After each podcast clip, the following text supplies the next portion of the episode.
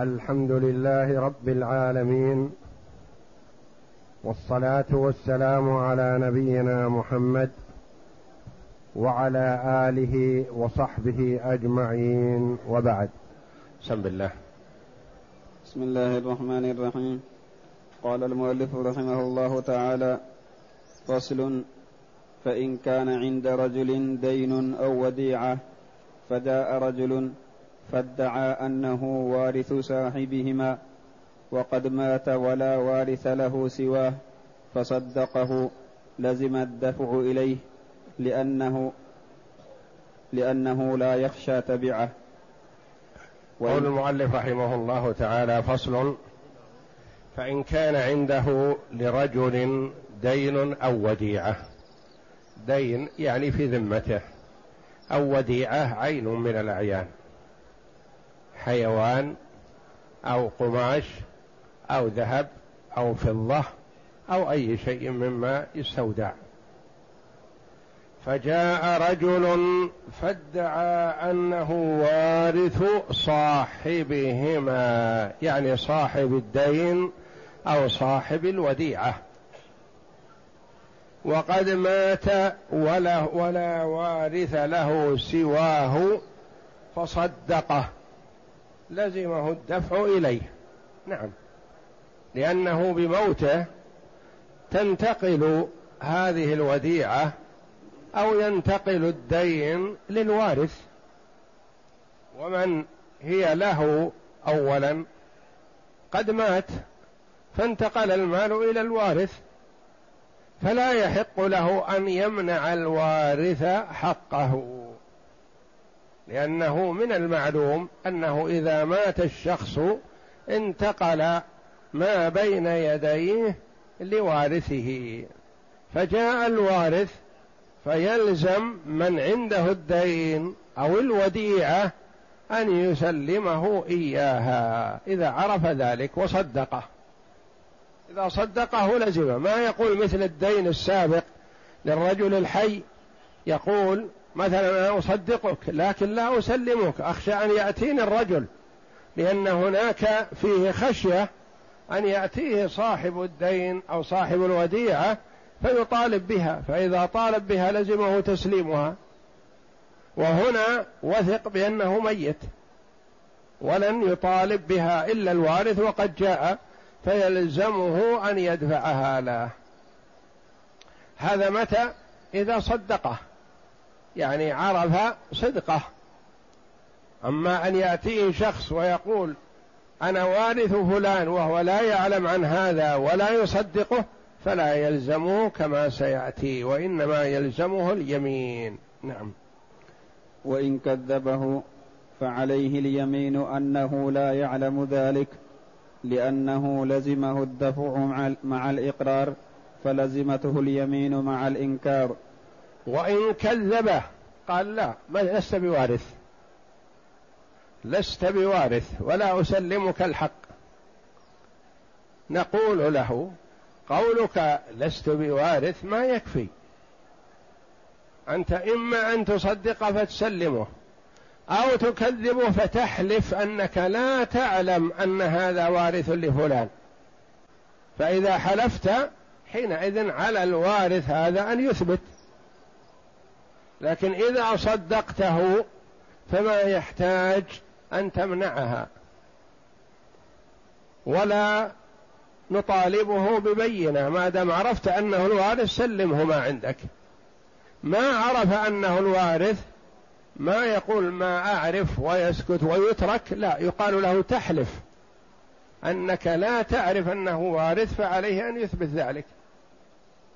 فإن نكل على عن اليمين ألزم بالدفع لأنه معنى هذا أنه يعرف أنه وارثه وإنما من باب المماطلة فلا يقر على المماطلة.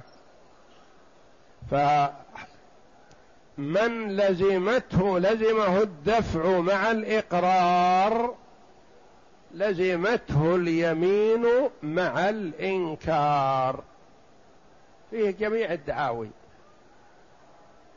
قاعدة من لزمه الدفع مع الإقرار يطالبه بحق مثلا فيقول مقر له نقول يلزمك أن تدفع. أنكر حقه نقول يلزمك أن تحلف. لأنك إذا لم تحلف إلزمت بالدفع. نكلت عن اليمين فتلزم بالدفع. أما في موضوع الوكالة فلا يلزمه التسليم مع الإقرار ولا يلزمه اليمين مع الإنكار وإنما على مدعي الوكالة أن يثبت وكالته. نعم. فصل. فإن كان لرجل ألف على اثنين كل واحد منهما ضامن لصاحبه فأحاله أحدهما بها برئا منها لأن نعم. الحوالة كالتقبيض. فإن كان لرجل ألف على اثنين كل واحد منهما ضامن على الآخر يعني هم متضامنان. سلم هذا أو سلم هذا من حق صاحب الألف أن يطالب هذا أو يطالب هذا. فليس كل واحد عليه قسط من المبلغ وحده كل واحد عليه خمسمائة لا.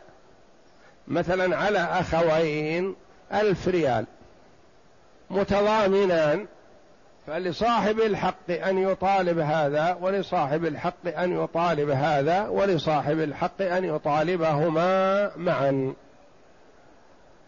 فإن كان لرجل ألف على اثنين كل واحد منهما ضامن لصاحبه.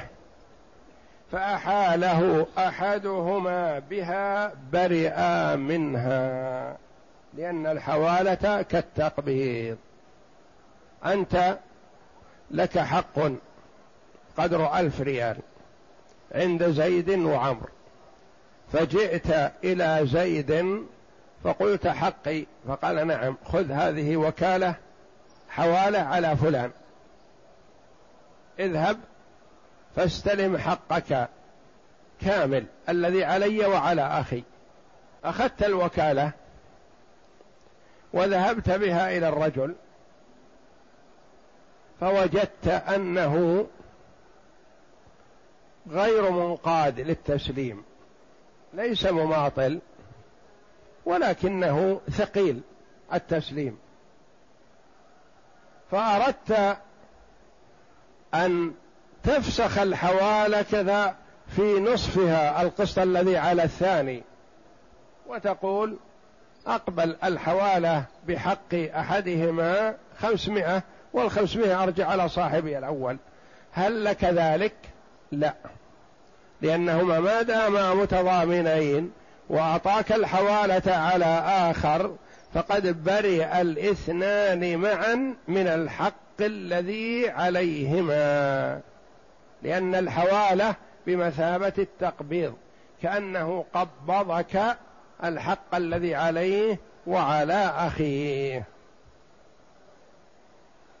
لأن الحوالة كالتقبيض يعني تبرأ ذمة الاثنين الأولين وتشغل ذمة الآخر ويكون حقك على من أحلت عليه.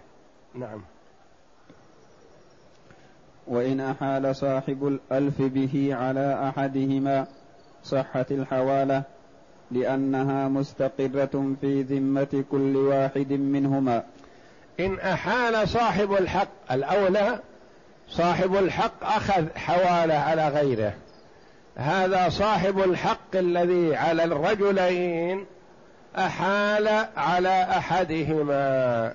عليه حق لآخر فقال أحيلك على فلان لأن عنده لي هو وأخوه ألف ريال وهما متضامنان فأنا أحيلك على أحدهما. قال أحيلك على أحدهما. صحت الحوالة ولا يقال إنه أحاله على واحد والمبلغ على اثنين لأنهما متضامنين يعني عبارة كأنهما سواء فمن سلم منهما عبارة سلم عن الآخر. نعم. وإن أحال عليهما جميعا ليستوفي من كل واحد منهما نصفها صحت. وإن أحال على كل واحد منهما بالنصف. قال عند زيد وعمر لي ألف ريال. أحيلك على زيد بخمسمائة وأحيلك على عمرو بخمسمائة. والإحالة على الاثنين أحسن لك من الإحالة على واحد لأنه قد يؤخر التسليم أحدهما. فإذا أحلت على الاثنين معا يسلمك هذا ويسلمك هذا لأنه ربما استصعب أحدهما تسليم الألف كامل. فأنا أحيلك على هذا بخمسمائة وعلى هذا بخمسمائة. صحت الحوالة لأن على كل واحد منهما خمسمائة في الحقيقة. نعم. لأن ذلك للمحيل فملك الحوالة. لأن ذلك للمحيل المحيل هو الذي يملك. يحيلك على زيد أو يحيلك على عمرو أو يحيلك على زيد وعمر معا. نعم. فملك الحوالة به. نعم. وإن أحال عليهما ليستوفي من أيهما شاء صحت أيضا. كذلك إذا أحال عليهما قال أحيلك على زيد وعمر وأنت اختر.